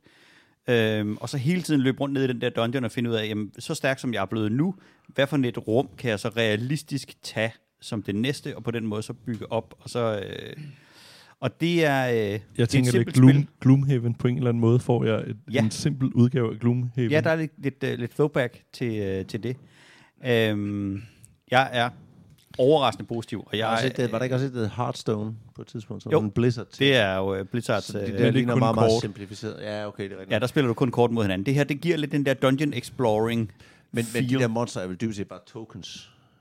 Ja, ja, det er bare... Øh, ja. I sådan et kortspil. Men, men øh, i den, at, altså, du, der er jo mange forskellige monstre, og nogle af dem, de bruger så sommernes powers mod dig, og nogle af dem kommer du op imod, som har præcis de samme powers som dig. Kan sommeren de samle øh, monstre imod dig og kaste de samme spil. kan du spille med andre? Nej. Bomber. Er det, Det kan du i øh, en, øh, du kan spille nogen, hvor du spiller sådan nogle runder mod hinanden, Mm. øh, hvor, man så, hvor man så har mere end en battle-funktion, og så kan du spille en explorer-mode, som er single player. Okay. Er det, er det, det er ikke free to play, så? Nej. Nej, Koster, Så, hvad koster det? det ved jeg faktisk ikke. Øh, det er ikke kommet øh, releaset endnu, men jeg mener, det kommer til at koste 30 euro. Nej, har du fået sådan en øh, Ja. kode tilsendt? Ja, ja, ja. Svin. Fedt røv.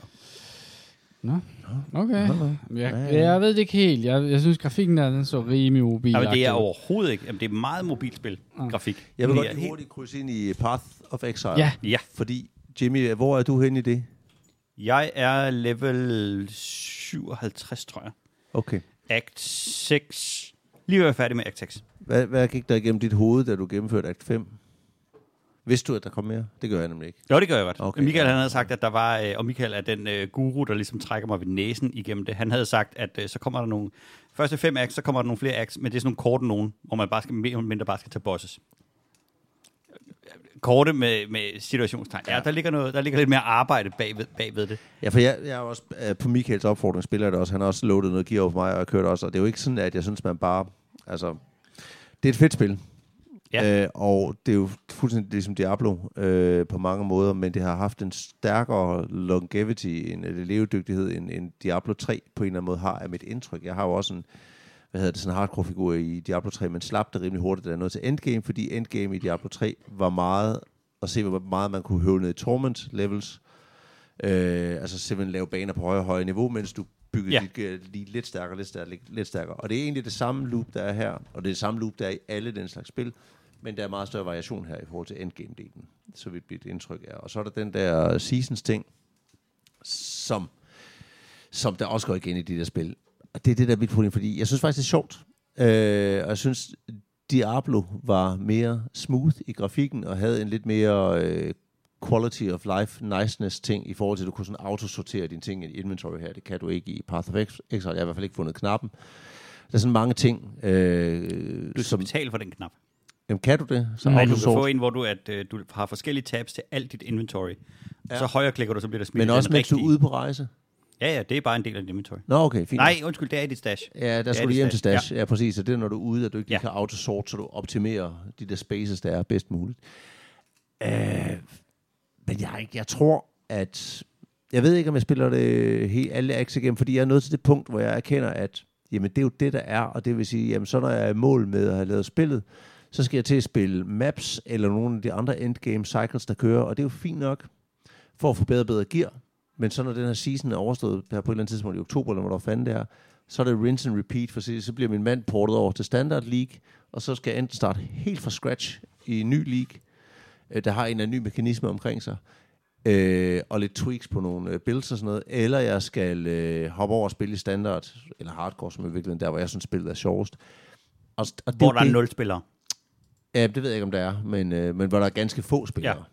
Ja. Øh, og brr. Jeg, jeg synes jo, det er rigtig sjovt. Jeg kunne rigtig godt tænke mig at gennemføre de her acts, sådan så vi kan komme op og spille sammen, for jeg vil gerne se, hvad det der endgame er. Ja. Og, øh, og det, som, det, der, det, det, det er jeg med på. det, som er den, den helt standard ting i det der spil, som der er i så mange andre, det er, at du har det der passive skill tree, hvor man skal sidde og klikke de der ting ind. Og jeg tænkte, der kan jeg godt følge med. Men der er jo 10 tabs, jeg ikke har forstået noget som helst. Med, med, med world gems og star signs og alle mulige andre Nå, ting, ja, ja, ja, ja, "Hmm, ja. Jeg skal da, jeg, skal, jeg vil egentlig gerne se, hvad det, hvad det er. Ja, det er rigtigt. Og det er jo sindssygt dybt, og det sjove i det er jo nok det der med, at så kan man prøve forskellige builds i de forskellige seasons. Men pff, jeg, jeg, bare, jeg bouncer rigtig tit på de der rinse-repeat-ting. Jeg vil sige, jeg bouncede, øh, rigt, jeg var faktisk øh, ret, ret glad for det. Jeg synes, det havde den der, jeg tror, vi snakkede om det sidste, har den der meget sendagtige følelse, hvor jeg bare læner mig tilbage og høster millioner af monstre. Og det er en, det er en fed fornemmelse. Ja. Men jeg vil sige, det, jeg bouncede på det, da Michael han sagde, shit, jeg lavet en fejl. Jeg har lige spildt 200 timer. Mm. Ja, Og det er sådan lidt... Uh, Det er jo måske fordi, han- også en overdrivelse. Det er ja, det er, fordi nu, han, til. nu har han stor øvelse i at få solgt sit gear og få hentet noget nyt gear hjem, og så få lige respecket nogle skills. Det er jo der, den ligger. Ja. Så, så, så er øvelsen heller ikke Men, større. men altså, jeg kan huske de gode gamle... Men du kan ikke respect dit fulde træ, så hvis han har fucket op tidligt i sit træ, så er han altså på den, tror Ja. jeg. Han sagde, at han havde investeret 200 timer i den, og nu har han fulgt en eller anden guide, som han så havde Som ikke længere var helt... Den var så åbenbart øh, ikke rigtig up to date Outdated, i forhold til øh, reglerne, Ja. så, så øh, han kunne ikke komme til at klare den sidste del af det. Men det er jo noget Og fusk, sådan- fordi de siger jo, de anmeldelser, jeg ser af spillet, de siger, at uanset hvordan du bygger dit træ, så kan du gennemføre hele spillet. Mm. Men der er måske sådan noget endgame. Ja, ja, men jeg tror, det er efter, man har gennemført, øh, hvad skal man sige, story-delen. Der, hvor Ja. at sådan nogen som dig øh, Ja. og Michael siger, Excellerer. at nu starter spillet for alvor. Og Ja, det er jo og der, det hvor jeg, jeg øh, bare er på, vej ud og sagt, tak for i aften, det var så en hyggelig fest. Ja. Øh, men det er der, hvor at, at, at I jo synes, Så at, finder I ølbongen frem. ja, så der, hvor I finder kokainen og, hvad hedder det, øh, Flammekasteren. Og heroinen og, nu skal vi feste. og ringer til en eller anden call girl. Det er der, hvor at festen starter. Og det, øh, altså, Jeg er helt enig. Fuldstændig rigtigt. fair enough. Uh, det, er jo, det er jo bare der, hvor jeg tit har, har svært ved at, at blive ved. Det er ligesom i... Destiny 2, der bouncede også, da festen startede. Præcis, ja. Og Ja, det er jo sådan, der der, der har det og også, jeg har da også et eller andet, der gnaver ind i mig og siger sådan, er det virkelig godt, at jeg ligger her hjemme med min uh, nathuber og går i seng, når alle de andre holder fest? Men Men har du ikke rated i World of Warcraft? Eller hvad spillede du Nej, dengang? jeg, jeg vil sige, øh, der hvor jeg øh, rated og blev kureret for rating, det var i øh, det var så i en meget, meget tidlig MMO, som hed Anarchy Online, øh, hvor at, Det øh, det tog øh, 7-8 timer, og så stod man 200 mand ude på sådan en hede, og bare så på sådan en hitpoint bar, der bare sådan langsomt tykkede nedad. Øhm, og jeg ved godt, at, at de der øh, endquests og sådan noget er blevet væsentligt meget bedre og sådan noget, men, Men det er mere technical skills, og det, der er rent faktisk nogle ting, du skal løse. Ja, ja, er, dat. og, du ved, men det er jo også øh, formaliseret sådan, at um, så, så, så har en boss et eller andet antal uh, cycles, den skal igennem. Ja, Ja, og nu er ja. vi den her cycle, så skal vi alle sammen stå herover, og så er vi den her cycle, så skal vi alle sammen gøre det her, og du skal have taget den her potion med, eller sådan et eller andet stil. 100. Og det, og det, det, det der, hvor jeg bare sådan siger, den, det, det er bare ikke rigtig, Jeg synes bare ikke, det er sjovt. Jeg, jeg tror bare, jeg er brændt ud dengang. Du vil hellere Øhm, samle penge, så du vil købe kugler på postordet. jeg, jeg står og giver min hest sukkerknaller og, og, og lytter til en podcast, mens jeg rider ud over prærien. Det er nok mere vej. Sådan er jeg bare. Jimmy, har du kun brugt guld til- 28,5 timer på Pathfinder? Ja. På Pathfinder? Ja. Hold kæft, du har været effektiv. Er det? Eller også har du fået fodret ting, der kunne Nej, jeg har dig da igennem. 100% blevet fodret. Jeg, jeg, jeg, Jamen, jeg blev også fodret, men jeg synes Historien var jo, bare, at Fik jeg du tænkte- 250 millioner? Og så... Øh, og Living X. jeg blev Nej, også historien var jo, jeg, jeg startede med at tænke, jeg skal lige, jeg skal bare lige have sådan en, en fornemmelse af, hvad det er her, og så sagde jeg, mm, og så stod Michael og sagde, du får lige noget gear. Og så fik han jeg jo den der send-fornemmelse af, at jeg skulle bare holde højre knap nede, og så høstede bare alt. Altså sådan, jeg fløj bare igennem alting. Og det er det, så begyndte at gå rigtig godt, så sagde han, hov, du skal have noget nyt gear. Og så, øh, og så nu Men det gjorde han også for mig, men jeg synes alligevel, det har været en sej kamp at komme deroppe af. Men det, har, du, har du haft en, for jeg har på intet tidspunkt haft en oplevelse af, når man kommer til nogle af de svære bosser undervejs. Fordi det, jo- hvis jeg spiller på hardcore mode, så må du ikke dø. Men de svære bosser har, har jeg ikke haft en oplevelse af, at jeg kunne slå dem, uden at dø hos dem. Det er bare, at jeg Nej, nej, nej, kaster der- min der- krop der- imod dem, indtil ja. jeg har slået dem. Ja, fordi den har jo den fantastiske mekanisme, at hvis du smider dig selv op imod en boss og dør, så når du respawner, så har at du taget det mængde hitpoints af Ja, han re- regener- han resetter ikke ikke. Så derfor så nogle af de der bosser, dem har jeg jo taget 30 gange. Kaster for- man bare sig ja. selv 100 gange i hovedet på ham. Ja, jeg indtil tænker han er bare, død. jeg nåede at ramme ham, så dør jeg bare. Jo, Ja. helt sikkert. Nej, stab. Men Ja. du fortsætter med det. Du er meget svær at få til at spille spil, Christian. Ja, jeg er meget svært, men Jeg, det er fordi, jeg, jeg, jeg kigger altid og tænker, hvad er, det, øh, hvad er nøglen til at, at aktivere og det er jo dit, kort øh, tid siden, jeg startede op på Path of Exile, og den har jeg så kværnet 100 timer i, Ja, måske. ja, ja præcis. Ja, ja. Øh, Men hvad var det, der gjorde, Har du det, 100 timer af det spil? hvad var Ja, det? men jeg har spillet det før. Nå, okay. Jeg har ja, gennemført ja, det også før, så det vil sige, jeg tror, jeg har kværnet 50 timer i Ja. det i den her omgang. Jamen, jeg leder jo lidt efter de der store spiloplevelser, og gerne nogen, som man kan dele med andre, have sammen med andre. Valheim synes jeg også var fantastisk. Ghost Recon synes jeg var fantastisk. Vi har gerne spillet, vi har nok også gerne spillet lidt videre og sådan noget. Øh, Destiny 2, jeg var hugt, og jeg har været klar til at køre hele raidmøllen med vores lille gruppe. Ikke? Mm. Øhm, men jeg er ikke sådan en, der har brug for at prøve en masse forskellige spil. Bare lige for at prøve en masse forskellige spil af. Det jeg vil rigtig gerne. Jeg lægger kaster masser af timer i Football Manager, jeg kaster masser af timer i gang imellem med Civilization 6 og sådan nogle ting, som er sjovt. Jeg vil rigtig gerne spille Gladius og sådan noget. Men det er jo de der ting, og jeg har intet imod, og jeg vil rigtig gerne have, at det det her, vi spiller. Mm. Og det spiller vi i tre år, og vi kaster alt i det. Mm. Mm. Det er nok bare der, jeg er mest. Ja. Øh, Men jeg tror også, at det er det der, hvor, man kan sige, mange af de spil, der kommer nu, har en begrænset levetid. Og der, der, der kan det godt være, at, at, at du bare siger, jamen, du kan tydeligt se, at Aliens Fireteam har en begrænset levetid, måske. Ja, men det er egentlig ikke mit beef med Aliens Nej. Fireteam. Og, jeg, og jeg, det er Mm. lidt tageligt, fordi mest af alt så er også bare ham, der står uden for festen og peger fingre af et eller andet, jeg ikke har prøvet. Mm. Jeg har ikke prøvet det, og det Mm. skal jeg jo nok måske gøre, før jeg rigtig kan dømme det. Men det, jeg har læst om det og sådan noget, giver mig nogle, øh, nogle kedelige vibes, fordi jeg er kæmpestor Alien fanboy. Mm. Jeg har jo læst alle de der, jeg har set alle filmene, jeg har læst, og jeg kan godt lide Prometheus-filmen.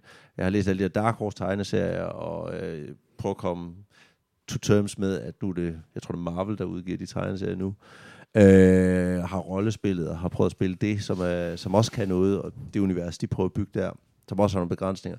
Så når de udgiver sådan noget som Aliens Fireteam, som er en shooter, en casual shooter på en eller anden måde, ikke? Så, så er det, jeg tænker, det er ærgerligt, de har smidt det Alien-universet. Jeg synes jo, Alien Isolation var et fantastisk spil, Mm. fordi den fanger det. det der horror-element. Ja. Og så er jeg med på, jamen så var der Aliens-filmen, som er toeren i serien, som faktisk bare er lidt en action-shooter, som ikke har skide meget horror. Etteren er horror, toeren er en actionfilm. Det er bestemt ikke verdens bedste actionfilm, det er en ret dårlig actionfilm. Oh, Nej, det er det faktisk ikke. Det er faktisk den bedste. Ah, det er en rimelig sløj film. Nej, det er en god film. Ej, jeg har lige set den her for nylig. Træerne er fed, men et, et, en, en lille... Det er et flot, flot, øh, flot mesterværk af David Fincher, træerne, fordi den var underbudgetteret, og han ikke kunne styre øh, er producenterne bagved, som simpelthen begrænsede ham. Øh, men jeg kan godt lide universet, og jeg kan godt lide fortællingen, og jeg tænder mest på den del af det, som er horror både. Og, og det er mere det der med at smide en straight-up shooter ind i det, i et univers, der har så meget pondus, så meget historie, så meget karakter, så synes jeg, at man skal gøre det overlegnet. Mm. Og hvis man ikke gør det overlegnet, så synes jeg, man skal lade være. Og det er bare Brød det, du den, dig jeg har. ikke om Aliens? Hvad siger du? Nej. Brød du så heller ikke om toeren? Filmen? Jeg synes, toeren, jeg kan se den ud fra den der, at den er en del af historikken og sådan noget, men jeg synes, men etteren er, fantastisk. Etteren er et mesterværk. Toeren er en, en gøjlet actionfilm for sin tid, og virkelig dated dårligt. Øh, og treeren er fantastisk igen, men har nogle Those are problemer. fighting words. Ja, jamen, altså, jeg, jeg, Jamen, jeg- sådan er jeg- det. jeg- Nej, tænker- men, jamen, så, så tror jeg egentlig mere, at dit problem med Aliens Fireteam er, at, at du ikke synes, at Aliens universet er et, et action-univers, og det der er jo grundlæggende uenig med dig. Nå, nej, nej, nej, men jeg synes bare, også bare det der med, at der er så mange ting i det, som... Og igen, jeg har ikke spillet det, så det er lidt tavligt, men det er der sådan med, hvis de ved, når de tager på... Du ved, I laver, har der squad af folk, mm. Der skal ned og skyde aliens. Mm. De ved, inden de tager afsted, vi skal ned og skyde aliens. Vi ved, hvad vi er op imod. Vi ved, øh, at de splatter acid. Vi ved, hvordan de fungerer som race Mm. i overordnet træk. Men det, er jo, det Du ville ved- jo være du ved, tre du sekunder af et spil, hvis, de skulle, hvis du skulle have en realisation med, Nå, som det er det de der har de løber stadigvæk rundt i bare arm, bare arm, Ja. selvom der sprøjter syre ud over det hele. Ja. De har stadigvæk close-up handguns, som er totalt, øh, i stedet for bare kun at have køre pulse rifles. Ja. Øh, de har, altså, der, der er så meget, der, der bare Men- ikke hænger sammen i det Der er der. Christian- siger, de er kloge jo. Julia, er dit problem ikke, at, hvad hedder det, hvis vi for eksempel tog dig med på Noma, Et blandt mange. og du ikke kan lide, hvad hedder det, ost, så, så får du et problem, når du møder osteretterne. Nej, for det, der er rigtig mange shooters, jeg godt kan lide. Jeg har ikke et problem med shooters. Jeg har et problem med, at de propper det ind i et aliens-univers, og så laver en halvbagt shooter, som faktisk ikke er... Det er fordi, du kan lide den specielle fordi type ost, der ikke banerne er også en lille smule generic. Er det ikke det?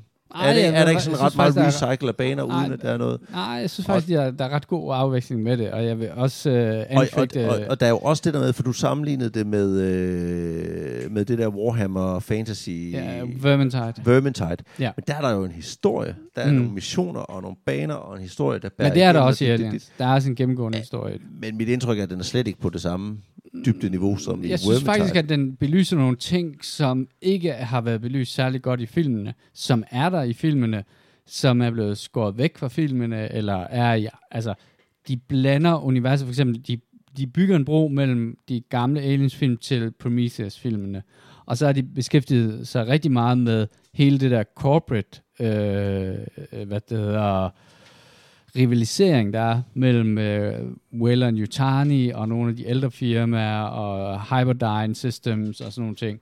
Det, det, jeg synes faktisk, der er meget storytelling. Der er også storytelling igennem bare sådan noget som beskrivelse af de enkelte våben, hvor man ligesom får en, øh, en fornemmelse af, hvor de bliver brugt og sådan noget. Der er rimelig meget lore i spillet. Og det er en kompetent shooter.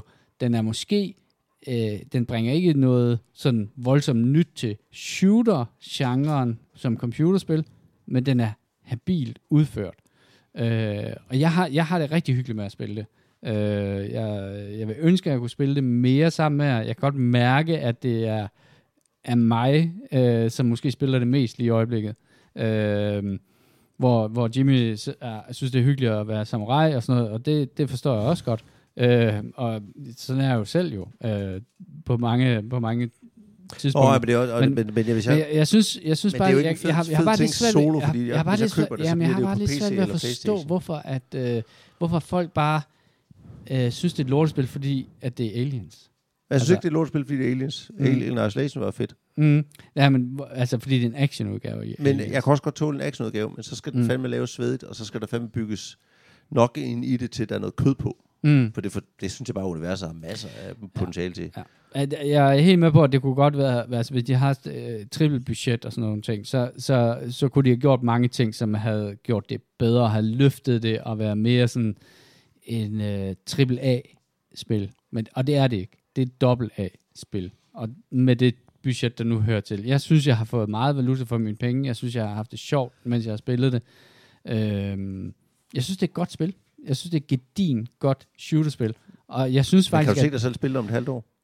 Ja, hvis de kommer med nye baner, de har lovet, at der er fire DLC'er i alt, og, man, og de er gratis alle de DLC'er der. Jeg, jeg kunne sagtens se, nu har jeg gennemført, at jeg har fået den øh, sidste class, der er. En anden ting, som faktisk også synes jeg er ret opmuntrende, det er, at de jo to uger efter at spillet kom, der releasede de øh, fire nye våben og en helt ny class.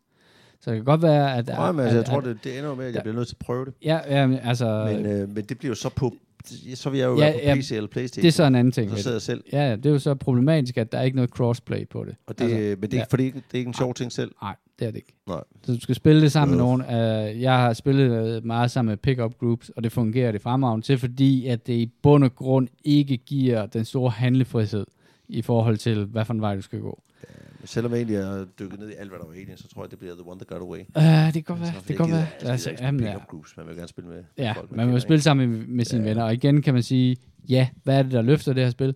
Det er det, som altid løfter det her spil her. Det er, hvis nogen, man kender, har lyst til at spille sammen med en. Ja da. så, men så kan du også virkelig, virkelig tage rigtig mange dårlige spil, og så bliver de lige pludselig meget sjovere. Ja da. Uh, og så, sådan er det bare med det. Så det er Øhm, et dårligt spil, der er blevet sjovere, at I kunne spille sammen. Ligesom Vermintide, ligesom uh, Left 4 Dead, ligesom uh, det kommende Dark Tide, ligesom... Øh, julespiller 3D-skak med den her debat. Jeg synes ikke, det er et dårligt spil. Jeg synes det faktisk, det er et ret godt spil. Jeg synes, det er, det er et spil, som har været meget et offer for, at der har været sådan en ulveflok af, af folk, som bare har kastet sig over det, uden at have spillet det synderligt meget. Fordi jeg kan læse rigtig mange af de reviews der, de har ikke spillet spillet til, til enden. Det har de ikke. altså ligesom Det dem, kan- der anmelder Psychonauts. Ja, ja for eksempel. med Måske, modsat måske. Ja, det ved jeg ikke. Det, ved, det skal jeg ikke sætte mig om. Men jeg ved i hvert fald, Det er lige cool præcis her, der Jeg kan jeg bare se, se, der en mulighed op der er bare nogle folk, som ikke har spillet spil til ende.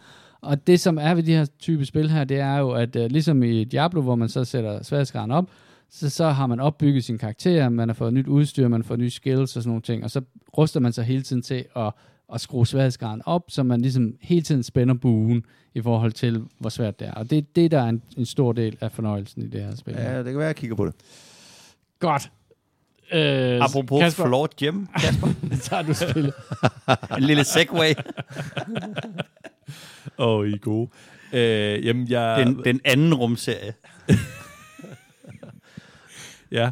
Øhm, Good Old Games, de havde forbindelse med, hvad hedder det, Star Trek Day, så havde de øhm, udgivet, genudgivet øh, seks, hvad hedder det, gamle Star Trek-spil. Og øh, det første, jeg, kastede mig over, det er Star Trek Away Team.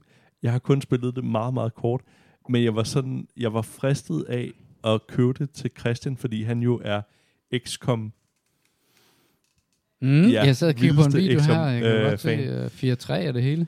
Ja, præcis, dit, dit yndlingsformat. Mm.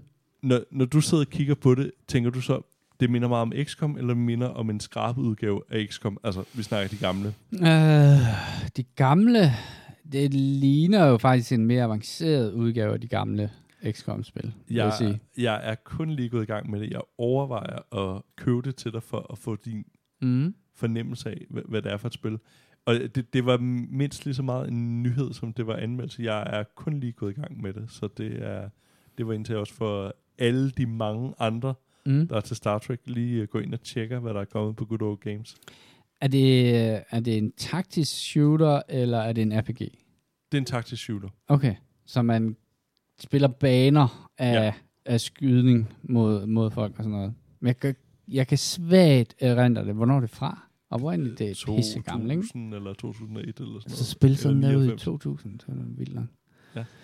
Ja, jamen, øh, det kan det godt være. Ja. Hva, hvor kan man få det? Good Old Games, Good Old Games. hvor man også kan få mange andre Star Trek-spil, som i forvejen har genudgivet. Mit problem er jo, at jeg ikke har nogen synderlig kærlighed til Star Trek-universet. Må jeg bare sige. Altså, Tak for i aften. ja, vi ses Kasper så. Hej. I kan Nå. finde os på. Spotify. Og Okay, ja, men øh, prøv her, jeg, jeg kigger på det. Jeg skal se på det. Øhm, jeg fasede det de sidste to minutter. Hvad talte vi om? Den anden rumserie. Åh oh, ja. Battlestar øh, Galactica. Ja, præcis. Øh, et sidste spil, øh, som jeg heller ikke har sindssygt meget at sige om, øh, fordi jeg har spillet det i 8 timer, tror jeg nok. Det er en Cased, øh, som er sådan en øh, RPG, øh, sci-fi ting, øh, som faktisk øh, lover rigtig godt øh, i forhold til, øh, hvad jeg normalt synes er fedt ved sådan nogle øh, spil. Det minder meget om de øh, første øh, Fallout-spil, som var, var de her isometriske... Det er jo så fedt. Ja, de er jo nemlig sindssygt fede. Øh, og noget af det, som er rigtig godt ved en case, er præmissen, øh, som er helt tosset. Øh, det handler om, at der i 1971 øh, opstod sådan en underlig øh, kuppel, en, øh, en, øh, et, et kraftfelt et sted i en ørken i USA, øh, som ingen rigtig vidste, hvad var. Øh, og derefter så, og det var ligesom, da den kolde krig var på sit højeste, øh, så besluttede hele verden at øh, lægge den kolde krig til side, og, og så se, om de kunne finde ud af at udforske, hvad der var inde i det her mærkelige kuppel. Øh, og øh, der, hvor man kommer ind i spillet, øh, det er så et par år senere, hvor at øh, verden har lavet sådan en organisation, som står for at udforske de øh, anomalies øh, og mærkelige ting, der foregår inde i den her kuppel her. Øh, og du spiller så en, øh, en, øh, et menneske, som er en, der har ansøgt om at få arbejde i den her organisation for at undersøge, hvad det er, der foregår derinde.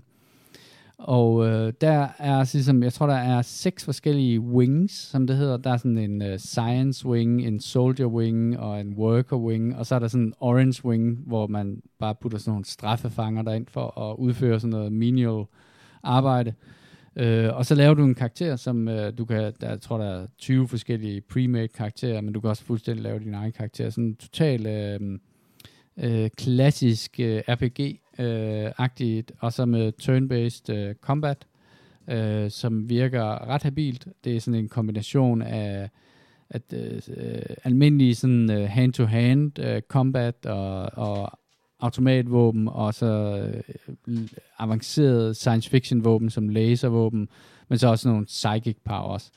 Øh, det er et spil, der er kommet ud øh, cirka på samme tid som det der nye øh, Pathfinder-spil, så derfor har det, og, og så er det ikke nær så stort øh, lagt an øh, i forhold til budget og sådan nogle ting, men jeg vil sige, indtil videre, så øh, synes jeg, det ser pisse godt ud øh, i forhold til, at det er et ret lille spil. Øh, og har en, en god historie. Sindssyge mængder af skills, ligesom øh, den slags øh, spil jo skal have, øh, hvor du kan fuldstændig øh, øh, lave din karakter, og en, en, øh, en historie, som er anderledes end øh, sådan nogle ofte er. Øh, Fallout-historien, øh, man kan sige, de har jo haft 10.000 spin-offs, hvor det basically er den samme historie. De siger selv, at det er en po- post-apokalyptisk øh, RPG, men, men det er faktisk mere en, en nu er vi midt i apokalypsen, der foregår.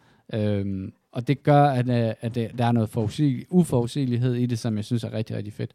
Øhm, og også en del humor. Øh, ligesom i det gamle Fallout-spil, der er det også øh, noget virkelig fed humor, der er i det. Øhm, så det vil jeg, det vil jeg faktisk, jeg, jeg tror faktisk allerede nu, jeg kan sige, at det vil jeg godt anbefale, hvis man er til den slags RPG-spil, og man måske er mere til sci-fi, end man er til øh, fantasy. Fedt. Mm. Så det var det sidste spil, tror jeg, vi havde på, øh, på Rundown. Så skal vi til nogle øh, anbefalinger. Dem har vi ikke nogen af, Kasper. Vi har ikke nogen anbefalinger. Moby fucking dick. Du, Kasper har- anbefaler du har at ikke fjernsyn, du Kasper anbefaler at læse en bog for en gang skyld. Kasper, jo, jeg kan anbefale sådan en serie, der hedder Invincible, hvis du kan se den. Ja. Se et afsnit, af den er super fed. Og skal bare lige se det sidste, så ændrer hele verden sig. På, øh, Er, er der nogen der der ligger også Expanse. Ja. Jeg, jeg blev top frustreret over, at... Øh, fordi lige om lidt... Nu er jeg godt lige kommet med en anbefaling. Lige om lidt Mm. mm. kommer den nye sæson af... Jeg tror, det er oktober faktisk. Af Dexter. Den der tv-serie. Og ham der, der arbejder som politibetjent og samtidig er blodekspert og, masse og morter. massemorder. Eller hvad hedder han? Ja, ja. Seriemorder, ja. Øh, og der kom det til min store frustration frem, at med Dangsted i Danmark, man kan streame Dexter-serien, de første sæsoner, uh, which totally sucks, så man er nødt til at købe DVD'en eller lave et eller andet, for jeg tror, den kører, kan fås på. Hvor nederen. Den, jo, hvis man, har, hvis man er på den amerikanske Amazon Prime, kan man vist, altså ligger den ved, Mm. jeg tror, det er Showtime, der er, Showtime, der er den, eller sådan et eller andet. Så that sucks. Øh, Ja, yeah. det glæder jeg mig til. Det ser vi frem til. Det var en Kan du fantastisk... på Paramount Plus? er det, men det er en dansk ting? Det er bare, den er... siger Paramount Plus. køb en streaming-serie mere. Ja. Mm. Er det, en, altså det er sådan lidt service, ligesom Amazon Prime og Ja, så videre? øh, Paramount. TV2, kan du, hvis du har TV2 Play, kan du få det med rabat gennem dem, og ellers er det en ny streaming service, det er den, de lancerer den med faktisk. Så i kan du også se det der badehotel Cool. samtidig. Den danske, danske serie? Eller hvad? Ja. Ja, jeg har aldrig set den. Ja. Jeg, jeg, jeg, jeg kender det, du har lavet. Jeg kan simpelthen ikke... Øh, det er ikke, den er ikke bygget til mig. Godt. Jamen, øh, nu er hunden også ved at være faldet til ro og sådan nogle ting, og så kan det være, at vi også skal falde til ro. Øhm, tak fordi I kom. Det var fandme hyggeligt. Øh, husk, at du kan finde os på eskapisterne.dk og på alle de andre steder, hvor man finder sin podcast. Og du skriver til os. Du kan skrive til os på vores Gmail, som er escapistpodcast at gmail.com med forslag til spil eller emner. Det var alt for denne udgave af Eskapisterne. Hvis du synes, at podcasten er god, så del den endelig med dine venner på vegne af Jimmy, Kasper, Christian Og mig selv, tak fordi I lyttede med.